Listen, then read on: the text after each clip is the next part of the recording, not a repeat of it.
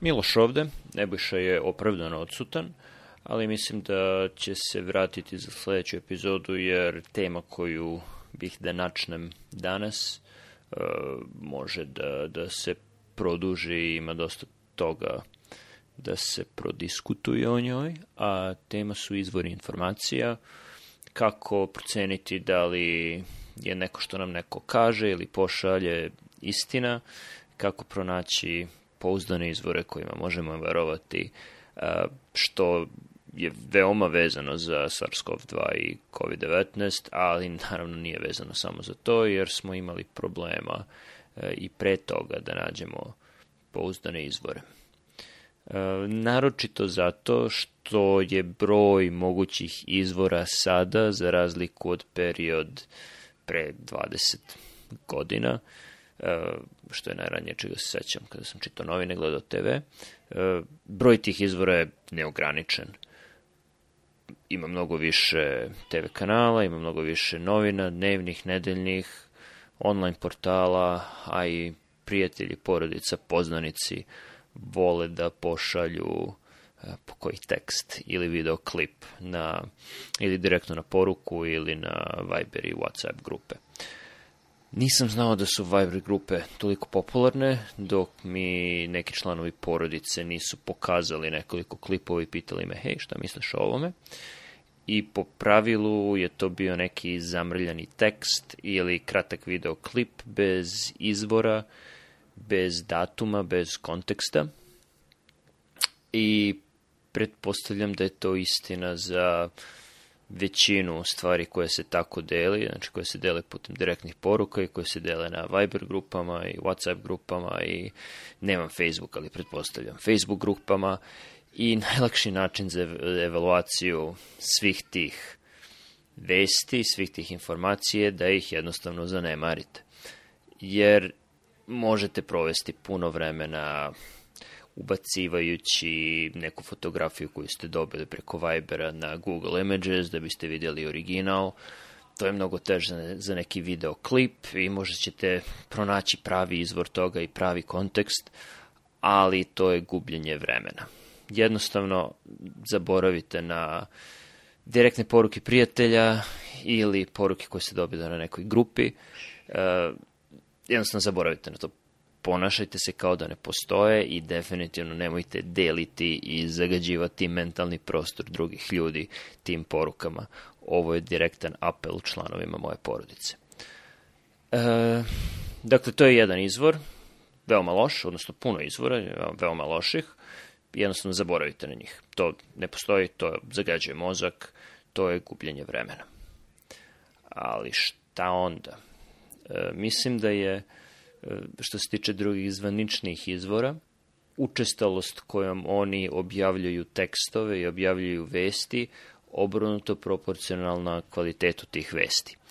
Tako da na dnu te lestvice, samo malo iznad Viber grupa, su online portali koji objavljuju stvari iz minuta u minut, e, koji skidaju tekstove, e, pogrešno prevode i onako loše tekstove sa stranih portala i sa stranih vesti, e, čiji novinari pregledaju poruke ljudi na Twitteru i na Facebooku koji o tome pišu vesti, što mi je pomalo bizarno.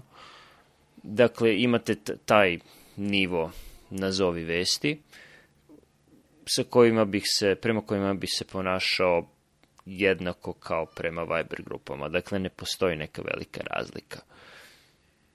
Ako neko učestalo objavljuje vesti, njima cilj nije da vas informiše, cilj je da vam privuče pažnju kako biste videli njihovu reklamu, a možda čak i kliknuli na nju kako bi oni dobili novac za to.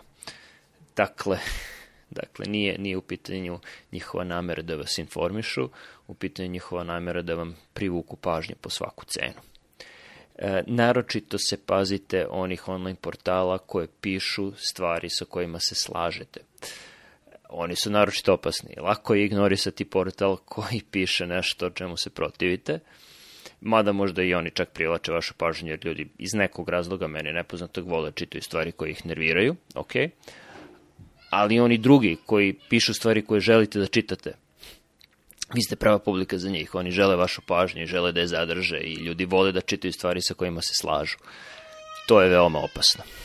Dakle, pokušajte da ne radite to i ako izbacujete Viber grupe, ako izbacujete Facebook grupe iz svog menija za konzumiranje informacija, izbacite i online portale.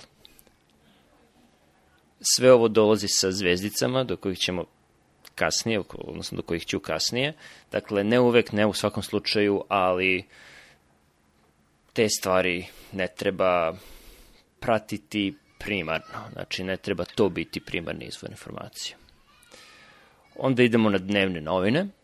Uh, nažalost, teško je sada razlučiti dnevne novine od online portala, pošto su se njihovi sajtovi pretvorili u isto. Uh, Eh, pošto i oni vole da objavljuju vesti što pre mogu i prave od svojih sajtova portale. Potpuno nenaučna izjava, preporuka, ali ono što ja radim je ja volim da čitam vesti iz novina na papiru. Iz nekog razloga, možda sam u zabludi, ali mislim da one možda prođu kroz više provera, lakše je sagledati kontekst neke vesti u sklopu drugih vesti, eh, gde je ona na strani, koliko je pažnje posvećeno u toj novini, ali ključan za to je da imate poverenje u novinu koju čitate i da znate uh, i da znate na koji način ta novina iskrivljuje stvarnost. Uh, jer svaka novina iskrivljuje stvarnost, bitno je znati u kom smeru to radi ono što vi čitate, kako biste znali da iskrenete nazad, da biste sagledali koliko toliko objektivno ono o čemu pišu. Uh, pravi primer, meni dobar primer je Financial Times, koji je moja novina. Um, dakle, oni sve sagledavaju iz perspektive, kao što mi ime kaže, financija i para i tržišta um, na sve vesti iz sveta, bilo da su političke, bilo da su uh, prirodne nepogode, pandemije, um, oni na to gledaju kao na nešto što će pomerati tržište i kao na nešto zbog čega će neko izgubiti, a neko dobiti novac. Ne morate se, da se slažete sa tim stavom da biste ga shvatili i da biste uzeli suštinu e, samih vesti. Ono što je pozitivno za taj način izveštavanja je što e, se trude da iskrive činjenice što je manje moguće, jer e, ako ako ljudi zarađuju novac ili gube novac na osnovu informacija koje dobiju iz vaših novina, uh, trudit ćete se da te informacije budu što je moguće tačnije. Nema političke propagande, naročito ne vezane za zapadnu Evropu, istočnu Evropu, Ameriku, pošto je u pitanju novina ko, čiji su vlasnici uh, E, Japanci sa sedištem u Londonu, dakle nema lokalno političkih razmišljanja, e, nema uticaja velikih međunarodnih firmi i organizacija, e, tako da postoji taj ideološki uticaj koji je jak, ali je poznat, nije sakriven, naprotiv, tako da ga je lako razlučiti. Mnogo su opasniji perfidni uticaj i perfidna iskrivljenost novina koje se prodaju kao objektivne, a daleko su od toga. Pravi primjer toga je New York Times, koji ima neke zaista dobre novinare i možete pročitati zaista dobre tekstove u njima, ali ima i gomilu smeća čiji je cilj opet privlačenje pažnje. E, New York Times je dodatno perniciozan po tome što ne samo da prodaje reklame, ne samo da funkcioniše i sam kao online portal koji se hvali brojem e, posetilaca dnevno, mesečno, godišnje, već i naplaćuje svoje usluge i jako se trudi da što više ljudi bude pretplaćeno i njima je izbor posljednjeg američkog predsednika bio najbolja stvar koja im se desila, jer su gomilu para zaradili na tome e, i pišući tekstove o njemu o etičnosti toga ne bih, ima dosta tekstova u drugim novinama o tome kako su oni celu svoju mašineriju proizvodnje vesti okrenuli u tu stranu, kako bi privukli pažnju ljudi koji ne vole Trumpa, jer, kao što sam već napomenuo, neki ljudi, mnogi ljudi vole da čitaju stvari koje ih nerviraju. Dakle, e, ipak, iako su oni primer novina koje mi se baš nešto i ne sviđaju, a naplaćuju svoje usluge, uvek je bolje e,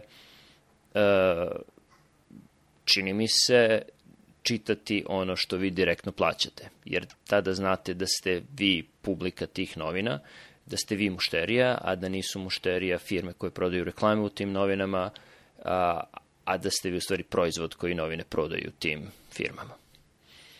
To je primer opet online portala i besplatnih novina i svih tih publikacija koje e, žive ne od kvaliteta vesti i ne od para koje dobijaju od čitalaca, već od para koje dobijaju od drugih kompanija koje prodaju reklame. E, malo više na lestici su nedeljne i mesečne publikacije, tu sad postoje velike razlike, naročito zato što e, novine čine novinari, a bar na engleskom govornom području, iako je malo novinara koji pišu isključivo za jednu publikaciju, već ima puno njih koji pišu za različite i tako da, da vam se više isplati da pratite određene ljude. E, dobar način za evaluaciju, to mogu da kažem i za dnevne novine i za nedeljne i mesečne, je da vidite kako pišu o stvarima koje vrlo dobro poznajete, za koje ste stručnjak. Većina ljudi ima neki uski, mnogo uži nego što volimo da priznamo, ali uski e, domen onoga gde mogu da kažu da su stručnjaci. Ako uspete da nađete tekst koji se makar i tangencijalno bavi tom temom, možete proceniti na koji način je ta publikacija i taj novinar ili novinarka koji su pisali o tome kako su pokrili tu temu, ako su se izlupetali, ako se apsolutno ne slažete sa onim što su napisali, ako je tehnički pogrešno, sagovornici pogrešni, komentari pogrešni, za stvari u koje se razumete, možete samo zamisliti e, kakav je kvalitet stvari koje su tu napisane, u koje se ne razumete, a za koje mislite da su tačne, jer niste toliko stručnjak, ne možete vi da procenite. Dakle, u pitanju je relativno jednostavna metoda. E, ako pričamo o određenoj osobi koja piše tekst, to je takođe tačno taj način procene njihove stručnosti. Druga mnogo bitnija stvar je da gledate longitudinalno kroz vreme kako se ta osoba ponaša, da li kada pogreši, a svi greše, priznaje grešku i objašnjava zašto su pogrešili, kako su pogrešili i da li, na koji način su ispravili tu grešku. Ili, sa druge strane, ako su pogrešili, počinju, počnu da izmišljaju razloge zašto je neko drugi kriv ili zašto je to ipak tačno i da e, nastave da se ukopavaju.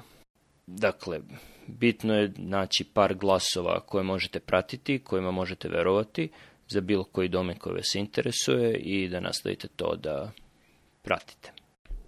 I mislim da je to bilo dovoljno uh, e, soljenja pameti za danas.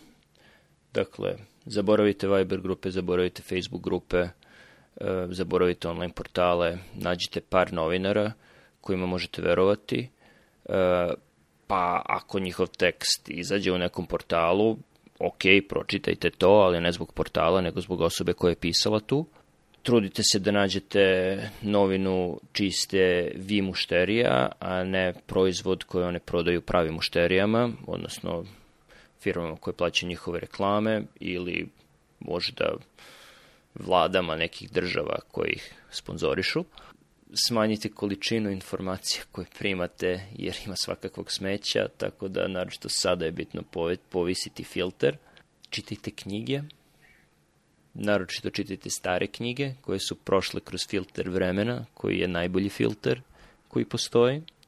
A za sledeću epizodu koja će, nadam se, stići pre nego, pre nego novembar ove godine, a što bi se desilo ako nastavimo ovim tempom, e, najviše ćemo pričati o stručnoj literaturi, čija je reputacija dosta pala za vreme pandemije, čija je reputacija počeo da opada još pre nje, a sada se stropoštala zbog uh, različitih pritisaka koji su postojali i pre, a koji su uh, pandemijom, zbog pandemije postali još jači.